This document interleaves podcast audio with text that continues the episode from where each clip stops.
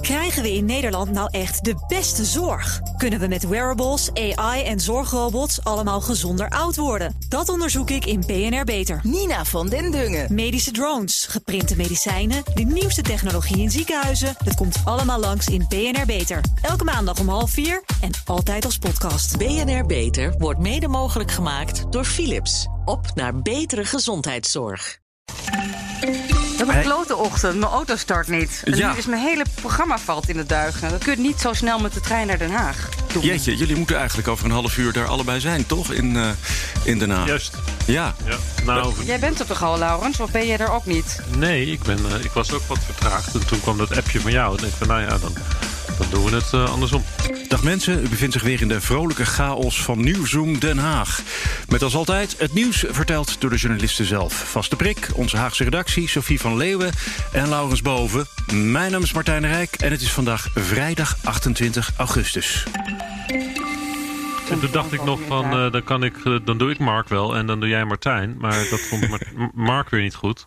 Nee. Ja, dat Mark dacht ik jou. dus ook. Ja. En Godverdomme. Mark wil jou. Ja. Ze willen allemaal jou. Ja, iedereen wil altijd mij. Rot op, laat me met rust. Ik heb, ik heb veel te veel gewerkt Hey, deze hey, week. hey, ho, ho, stop. Ik wil jullie allebei. dat, eh, net als Ga je Mark. toch niet uitzenden, hè?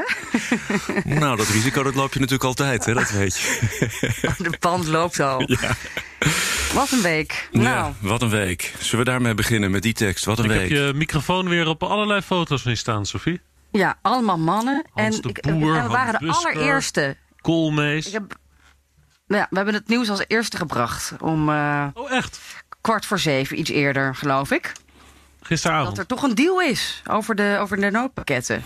Volgens mij heb ik het ruwe geluid gehoord, Sophie. Eh, en eh, aan het eind van dat ruwe geluid, echt nadat jij iedereen gesproken had, hoorde ik jou overschakelen naar de studio met We hebben nieuws of iets dergelijks. Ja, er is zeker nieuws. Ik sta hier met... met- Boem, en toen hield de opname ermee op. Ja, en ik stond echt maar zo met die microfoon voor ze in, in dat gezicht van Koolmees en Ja. Wiebes. En we hadden net ook de man die van de polder gesproken. En we waren eigenlijk nog aan het luisteren. Wat zeggen die mannen? Maar ehm, ja, ik kon inbreken Mhm. van de eindredacteurs. Ik dacht, dan gaan we gewoon nu meteen live. Juist. Want Ja. toen, toen was net duidelijk geworden dat inderdaad er ja, minder, minder afgezwakt steunpakket komt per 1 oktober. Dus dat was toch wel even een heel ander verhaal dan we eerder hadden gehoord. Maar voordat we het echt eh, eh, diepgaand over eh, de steunpakketten en over eh, de begroting gaan hebben, wou ik eerst gewoon eventjes rellen. Want het mag toch best wel een relletje heten, dat verhaal rond Grapperhaus. Eh, nou, moet ik je eerlijk zeggen, Sophie, ik heb de foto's van het bordes van het eh, gemeentehuis van Bloemendaal goed bekeken. In de hoop dat ik jou ook zou ontdekken op dat eh, huwelijk van uh, Grapperhaus. Want ik heb, me, ja, ik heb toch eens een keertje bij Nieuwzoom Den Haag gehoord dat Grapperhaus jou op allerlei rare momenten op je mobiele telefoon belt. Dus ik dacht, dan ben jij vast ook wel op zijn huwelijk, toch? Ja, ik was ook wel beledigd dat ik niet was uitgenodigd. Hij mailt me wel eens. En we zitten ook, eh, ja, iets met Instagram en zo. Dat hebben we ook wel eens gedeeld. Maar nee, ik was niet uitgenodigd. Maar ik was wel een beetje toch wel verbaasd toen ik dat filmpje zag. Dat ik dacht, dit, de- dit is de, de, de baas van de hele... eh, de, eigenlijk de lockdown, hè, van hoe we ons moeten gedragen. Ja. Van de veiligheid. Dus dit is zo'n slecht beeld, minister Grapperhaus. Dat is echt dom, vind ik, dat je dit voor elkaar krijgt. Nou, ik manier. geloof dat zo ongeveer heel Twitter het wel eh, met je eens was, of juist totaal niet. Maar Grapperhaus die is het zelf in ieder geval wel met je eens. We hebben de mensen van tevoren heel duidelijk gezegd: denk erom, coronamaatregelen. Dat betekent dat je echt, als je niet eh, tot hetzelfde koppel of hetzelfde huishouden behoort, hou afstand. Ehm, en dat is. eh, en zorg ook voor de hygiëne. En helaas is die anderhalve meter. Nou, er zijn een aantal keer dat mensen eh, zich daar niet aan hebben gehouden. En dat spijt me zeer, want eh, ik vind dat ik als minister altijd moet zorgen voor het goede voorbeeld. Zo, klaar. Ja, nou, wat ik wel heel grappig wel- vond, Martijn, dan zie je die foto. Hè, en ik heb Ja. even die mensen geteld die erop staan. Ja. Het zijn er bijna 40. Ja. En, en dan zegt Grapperhaus, het was een huwelijk in kleine kring. Ja, Ja, nou ja, ik, ik, Een mijn, huwelijk in kleine kring, dan denk ik aan eh, het echtpaar en, eh, en de getuigen en misschien je moeder. ja, en dat is het dan. Ja. Niet aan 40 mensen. Nee. Dus ik vroeg dat gisteravond nog even aan de woordvoerder van Grapperhaus. Van joh, kleine kring. En toen zei, toen zei ze van nou, kleine kring is voor iedereen natuurlijk iets anders. Maar een paar tantes met je- een glas wijn of een glas champagne, dat, dat is de kat op het spek binnen. Dat weet je zelf ook. Dat gaat natuurlijk Ja. mis. Die willen jou gewoon zoenen. Daar kun je gewoon niks tegen doen. Ja. Dus ze had er nooit aan moeten beginnen. En ik denk vanaf nu dat elke persconferentie toch ja, eh, misschien deze omhuld zal zijn door een heel groot vraagteken. Ja. Eh, Het, aan de andere kant, eh, het, het heeft ook wel iets menselijks, toch? Hè, Zeker. Dat, dat, dat zelfs de, de, de opper-corona-handhaver het niet voor elkaar krijgt. Hè, dat, eh, niemand lukt het. Ons lukt het allemaal niet. Wie kan er nou die anderhalve meter afstand bewaren tot, tot een ander in het dagelijks leven? Niemand kan het. Nou, zelfs Grapperhaus kan het niet. Dus je kan natuurlijk heel boos en cynisch en hem een clown en aftreden. Weet je, al die Twittertaal. Hè, ik vond het allemaal weer... Ja, ik vind het altijd zo. Ja, is je kan het ook een beetje menselijk zien. Je kan het ook gewoon menselijk zien. Hè? We doen allemaal ons best. ja, maar ik had en wel een beetje... de minister lukt het niet. Ja, dat ben ik echt met je eens. Eh, ik had ook het gevoel van, dat dit kan echt iedereen overkomen. Hè? Eh, ik bedoel, maar hij mag het gewoon net niet overkomen. Dus ik Nee, vind... het enige wat natuurlijk Ja. lullig is, is dat er natuurlijk allemaal bedrijven, en, en in feite staat zijn handtekening daaronder, eh, krijgen boetes. Hè? En burgers krijgen Juist, boetes. dat is een En, probleem. en dat is natuurlijk het pijnlijke. Dat is natuurlijk het probleem. Dat, dat dus aan de ene kant eh, die boetes worden opgelegd. En dan de man die daar eind, eindverantwoordelijk voor is. zelf ook een feestje geeft. Hij had dat feestje gewoon niet moeten geven. Hij had gewoon een, eh, moeten trouwen. En, en dan gewoon. Gewoon überhaupt geen feestje. Gewoon later Ja, een keer. ja, en dan, ja, desnoods via Zoom of zo. hè. Dan had je het goede voorbeeld gegeven. Maar aan de andere kant. Niks menselijk is ons vreemd. En hij die zonder zonde is, werpen de eerste steen. Sophie, jij denkt ook dat hij dit gewoon overleeft? Niet die Europese commissaris uit Ierland eh, achterna gaat? Nou, ik vind wel dat we in Nederland toch altijd wel heel aardig zijn voor onze politici. En je ziet inderdaad eh, dat Eurocommissaris Hogan. Eh, nou, die, die ging volgens mij zelf nog iets verder over de schreef. Maar die man heeft gewoon moeten aftreden wegens ongeloofwaardigheid. Dus ja, ik denk wel dat de Grapperhaus is beschadigd. En dat is niet trouwens de eerste CDA'er die beschadigd eh, weer uit deze week komt. Maar ehm, dit, is, eh, dit is gewoon niet goed voor hem. Nee. En ik, hoe dit nu af verder gaat, ik denk dat er tijdens de campagne of de oppositie kan dit gebruiken om aan zijn stoelpoten te gaan zagen. Nou, ja, je noemde hem al een beetje impliciet, hè? De jongen, denk ik. Toch? Die bedoelde je toch, hè? Die andere CDA die ook eh, enigszins beschadigd raakt. Deze week. Nou, die, had, die, had, die heeft al, al weken heeft hij het best wel lastig. Ook, ook in de coronadebatten eh in, in de Kamer.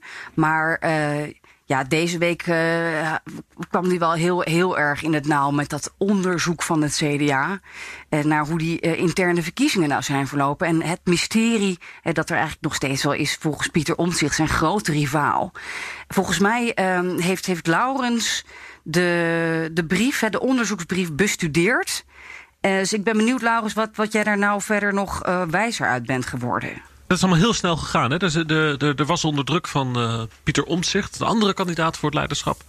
Was er dus die, eh, een, een onderzoek gedaan, extern onderzoek, onafhankelijk. Eh, maar dat was opeens verrassend snel. Hè? Van de week opeens alweer klaar. Daar werd iedereen door overvallen van... oh, het zit alweer in de mailbox. 17 kantjes. ehm, is, en, en, en wat er gebeurd is, is dat die mensen van het onderzoeksbureau... die hebben eigenlijk gewoon de hele procedure nog eens nagelopen... van hoe zat die stemming nou in elkaar? Hè? En, en klopte er inderdaad technisch iets niet aan dat softwarepakketje... wat ze gebruikt hebben om die stemming te organiseren. Nou, en dat was niet het geval.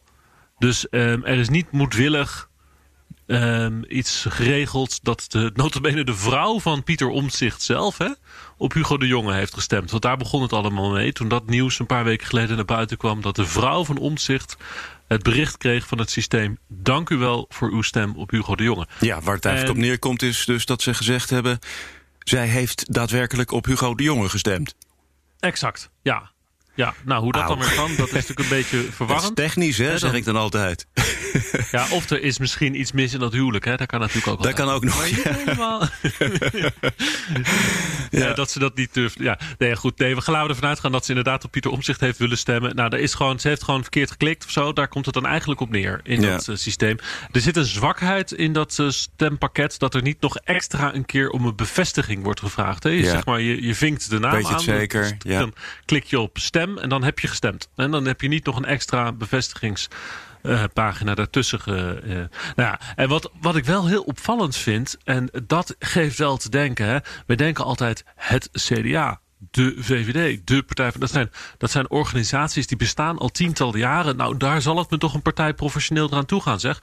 Ja, en dat is dus niet zo. En dat legt dat rapport ook weer heel pijnlijk bloot. Er is dus één medewerker bij het CDA verantwoordelijk geweest voor dat hele systeem van het software, uh, van het uh, stemmen via internet. Weet je, Eén medewerker. Die heeft dat systeem laten bouwen en die heeft dat allemaal beoordeeld en gevolgd en geregeld dat het goed ging. Dus dan heb je een van de machtigste partijen van het land. Uh, en dan gaat het om de vraag: wordt Pieter Omzicht of Hugo de Jonge de leider? Hè? Wordt Hugo de Jonge dan misschien een nieuwe premier? En dan heb je dus een stemsysteem waar één persoon voor verantwoordelijk is. Nou, en dat geeft al aan hoe dun zo'n organisatie dus eigenlijk is. Ja, dit hadden ze natuurlijk nooit zo moeten doen. Dit, dit is wel een les voor de toekomst. Dat dit dus op deze manier ja. Um, stemmen, dat dat heel gevaarlijk is. Ja, je mag wel weer als eindconclusie trekken... ook in dit opzicht, uh, niets menselijks is uh, het CDA vreemd. En ons, hè, Ja, uh, ja nou, kijk, en er komt bij dat natuurlijk deze hele affaire... gewoon niks dan schade heeft opgeleverd. het eind van het liedje is dat iedereen beschadigd is geraakt. En er is niks veranderd. Hugo de Jonge is nog steeds de, de kandidaat. Pieter Omzicht, wat zijn ambitie nou precies was met het melden van dit probleem. Ik bedoel, het is een probleem, dat is natuurlijk vervelend. Dat moet je even aankaarten, intern. Maar om dat dan ook extern aan te kaarten, dan is het natuurlijk een of je einddoel is: ik word alsnog de partijleider. Of anders, wat is dan anders je einddoel? Iedereen is beschadigd geraakt. Dus dat, dat vind ik verwarrend. Wat hier nou eigenlijk uh, uh, gebeurd is deze week rondom die stemming. Eh, de, de jongen zelf die is daar niet helemaal van overtuigd. Hè? Luister maar eventjes. Het, het onderzoek wat is gedaan eh, geeft uh, duidelijk antwoord op de vragen zoals die zijn, uh, zijn gerezen. En daarmee kunnen we weer gewoon aan de slag. Kijk, wat er gezegd bij zo'n lijsttrekkerstrijd, ja, dat, dat brengt in zo'n partij altijd wat deining en wat wrijving mee. Mm. En dat duurt ook even voordat dat ook weer over is. Maar goed, die lijsttrekkerstrijd die is achter de rug. Wij hebben ons voor te bereiden op die andere strijd. Namelijk die strijd in uh, maart 2021, die, ver, die verkiezing. Dat is de uh, verkiezing waar nu alle energie op gericht moet zijn. ik ben nou heel blij met onze nieuwe campagneleider, Raymond Knops. Die met veel enthousiasme en met veel toewijding aan de slag gaat. En ehm, daar moet al onze energie op gericht zijn. Ja, bent, u, bent u er gerust op dat Pieter Omtzigt zich hierbij neerlegt? Want het ja. is wel iemand die altijd nog wel even wat te vragen heeft. Nou, hij heeft vragen gesteld en die vragen zijn beantwoord door de partij. Ja. En ja, dat, uh, dat, dat is wat erbij hoort. Hè. Als er vragen zijn over het stemproces, dan is het aan de partij om die vragen te beantwoorden. Mm -hmm. nou, daarvoor was het nodig om een extern onderzoek te doen. Dat onderzoek heeft de vragen beantwoord. Uh, en daarmee kunnen we weer aan het werk.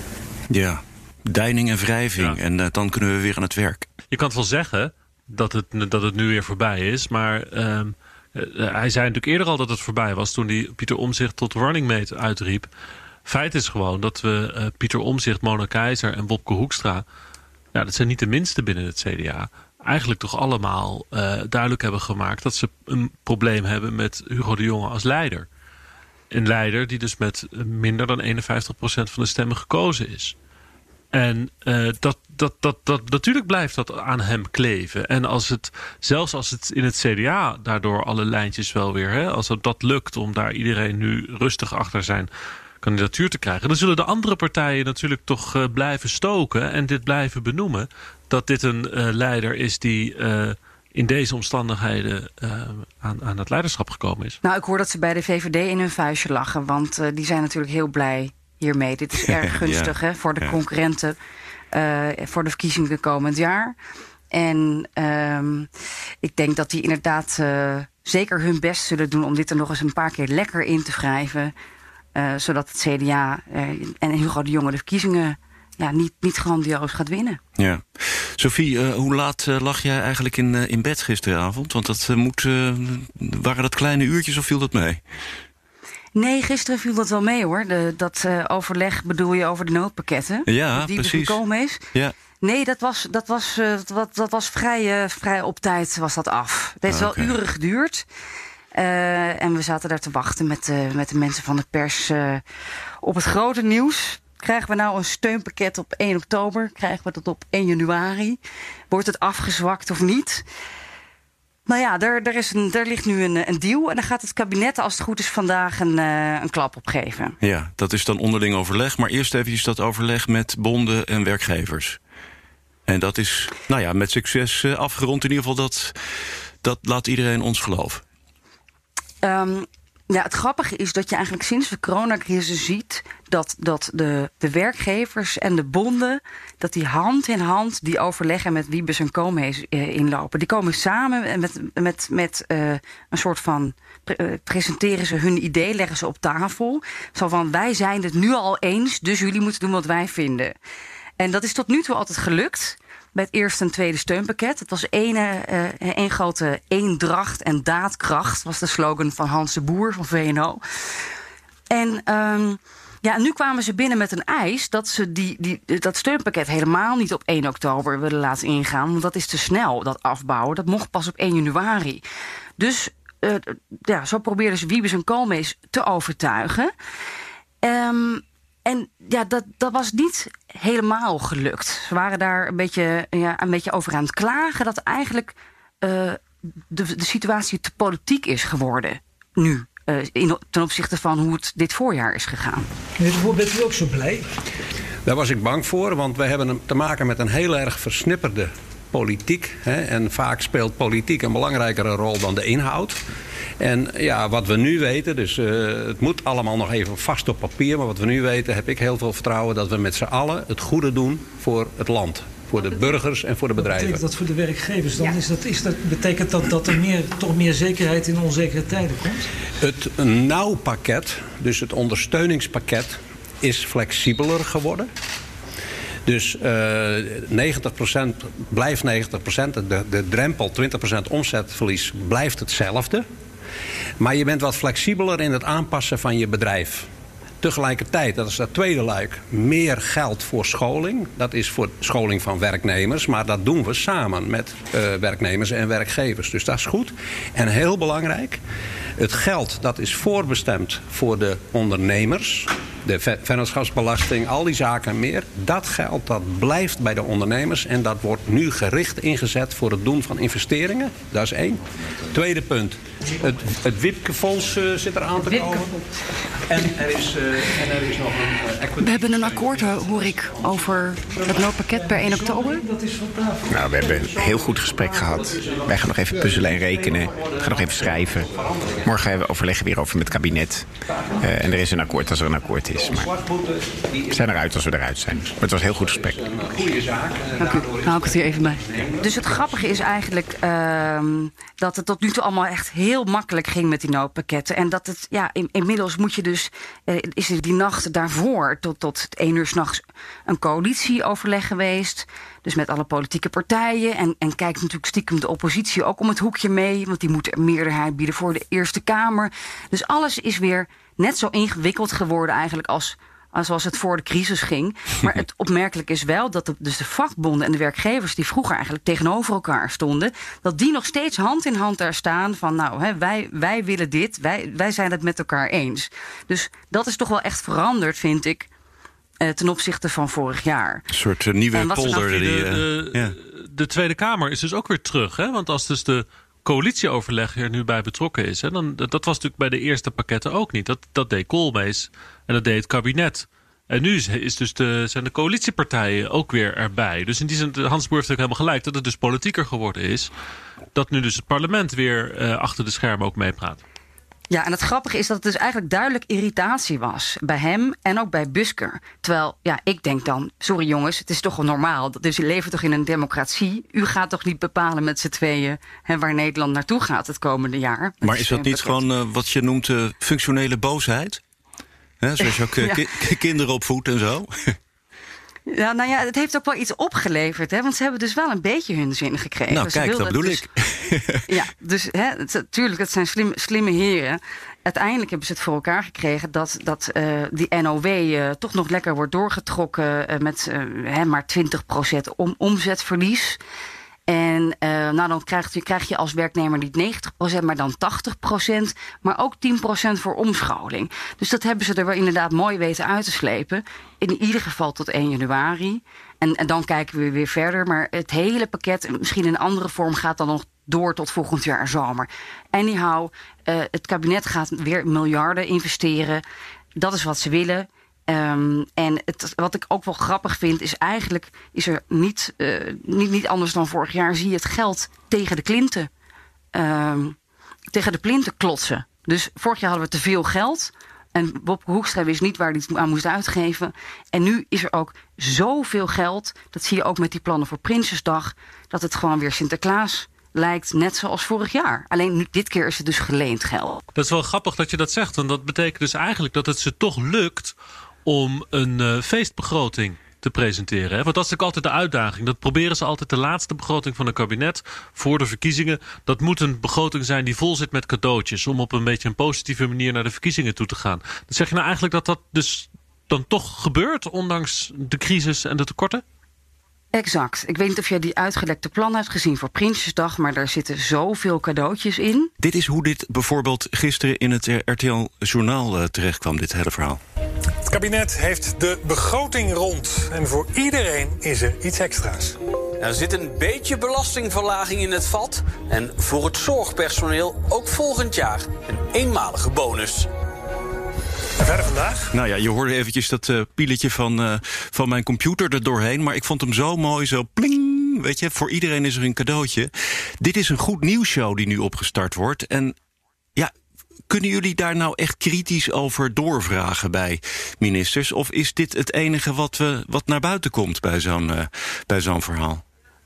Nou, wat er altijd gebeurt in uh, augustus, hè, dan zijn dus de, de kabinetten, het kabinet en de coalitiepartijen zijn in onderhandeling over de begroting. En dat is eigenlijk de periode van het jaar waar de coalitie volledig de regie in handen heeft. Want zij hebben alle informatie en uh, zij kunnen dus gewoon die stukjes lekken die zij prettig vinden. Dus al, elk jaar is dat weer zo dat, dat nu tot aan Prinsjesdag eigenlijk de uh, oppositie ja, gewoon eigenlijk niet in beeld is. Omdat uh, natuurlijk geen idee hebben wat er precies allemaal wordt besproken. Dus de, de, in die zin, um, nee, heb je eigenlijk geen mogelijkheid op dit moment om daadwerkelijk uh, door te vragen op de feiten. Ja. De stukken krijgen we allemaal pas op Prinsjesdag. Wat je natuurlijk wel kan doen, is natuurlijk een beetje, beetje doorredeneren van wat gebeurt er nou eigenlijk. Hè? En wat je nu dus ziet is dat er dus eigenlijk geleend geld is.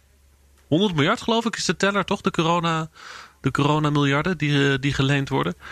En dat er nu dus toch geld uitgedeeld wordt met geleend geld. Nou, dat is natuurlijk wel een unicum voor Nederland. Dus ik denk dat daar op zich nog wel wat vragen over te stellen zijn. Van hoe is dat nou opeens gebeurd? Dat we nu dus uh, geld lenen om uh, de belastingen te kunnen verlagen. Ja, maar zodra je zo'n zo'n vraag voorlegt aan een, uh, een, verantwoordelijk minister... dan zegt hij, uh, ja, daar kunnen we nu natuurlijk helemaal niks over zeggen. U hoort het wel met Prinsjesdag, want pas dan komen de plannen naar buiten. ja, ja, dat klopt. Weet je, dat is toch om gek van te worden? Nee, de, ja. ja, voor de microfoon gaan ze daar geen statements over geven. Dan kom je in allerlei off-the-record situaties terecht. En daar hoor je nog wel eens wat. Maar nee, zoals gezegd, dit is de periode van het jaar dat het kabinet, de coalitie, de regie heeft over de informatievoorziening. En dat, uh, dat verandert pas op uh, Prinsjesdag om kwart over drie s middags... als de begroting wordt gepresenteerd, gepubliceerd. En verder zeggen ze natuurlijk, Laurens... Uh, we moeten ons uit de crisis investeren. Nou, dat, dat, die zin heb ik echt al honderd keer gehoord in de Haagse wandelgangen. Ook van die ministers. Dus dat is natuurlijk het argument. Wij gaan volgend jaar uit de crisis komen... En, uh, en daarom lenen we al die miljarden. Dus dat is, dat is voor een goede zaak. Dat willen we allemaal. Ja. Ook bij de oppositie. Ja, en zijn de begrotingsregels dan overboord gezet? Absoluut. Uh, ik sprak gisteren iemand uh, die ook bij die coalitieonderhandelingen heeft gezeten, s'nachts. En die zei: Weet je, we waren het eigenlijk allemaal best wel eens. Dat het, was, het was het allemaal in, in goede sfeer hebben we die onderhandelingen gevoerd s'nachts. Want niemand hoeft zich aan die, uh, die rijksbegroting de, die, uh, uh, te houden. Dus het was gewoon feest achter de schermen. Ja, ehm, zalm, dus zalmnorm iedereen... overboord en, en, ja, en iedereen en dat, krijgt dat wat hij wil. Ja. Dat is natuurlijk, hebben ze nog nooit meegemaakt. Uh, dat, dat ze allemaal mogen uitdelen. En dat eigenlijk al die partijen die in de coalitie zitten... daar dan ook straks met, bij de verkiezingen misschien van kunnen profiteren. Kijk, we hebben toch ja. iets aan de zorg gegeven. We hebben toch de... Zo was er dus ook opeens geld voor het uitkopen... En zo was er dus ook opeens geld voor het uitkopen van de Netse fokkerij. Ja. Ook daar was nog geld voor. 180 miljoen als ik me niet vergis.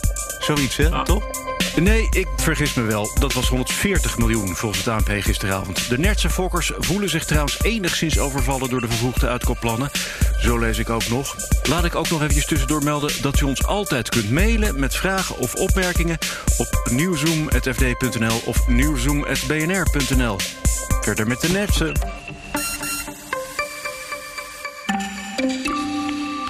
Dat is echt zo'n slepend dossier, laat ik het zo zeggen. Ja, dit is natuurlijk uh, interessant dat er dus uh, een, een, sector is waar dus opeens corona zo uh, hardnekkig aanwezig is en waar ze het niet wegkrijgen. En de Nederlandse fokkerij die moet toch al over een paar jaar stoppen in Nederland. En het, het was al maanden zo'n discussie van joh, is dit nou niet eigenlijk dan ook het moment om die knoop maar gewoon door te, te, hakken en dat een paar jaar naar voren te halen.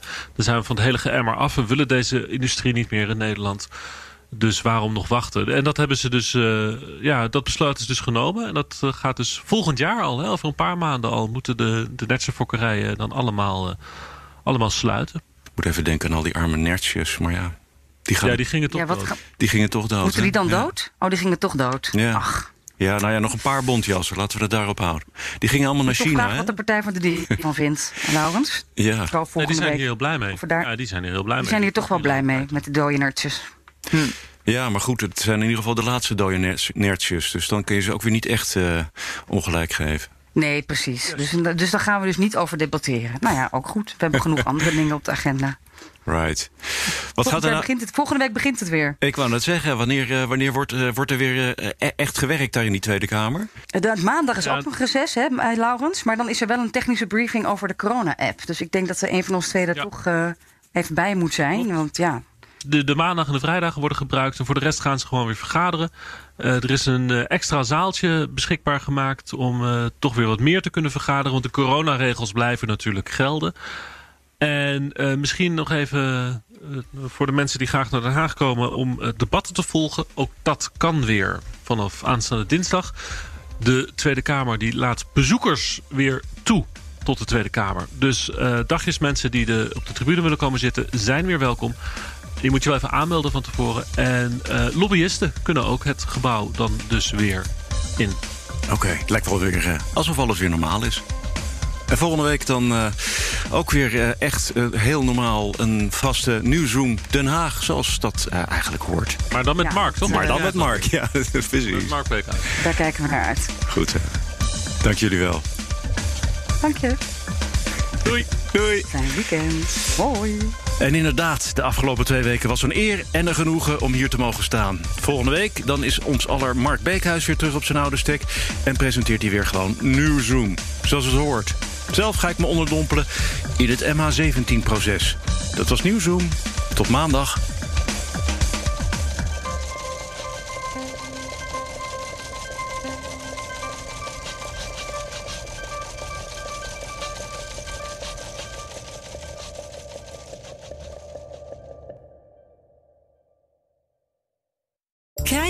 Nederland nou echt de beste zorg? Kunnen we met wearables, AI en zorgrobots allemaal gezonder oud worden? Dat onderzoek ik in BNR Beter. Nina van den Dungen. Medische drones, geprinte medicijnen, de nieuwste technologie in ziekenhuizen. Het komt allemaal langs in BNR Beter. Elke maandag om half vier en altijd als podcast. BNR Beter wordt mede mogelijk gemaakt door Philips. Op naar betere gezondheidszorg.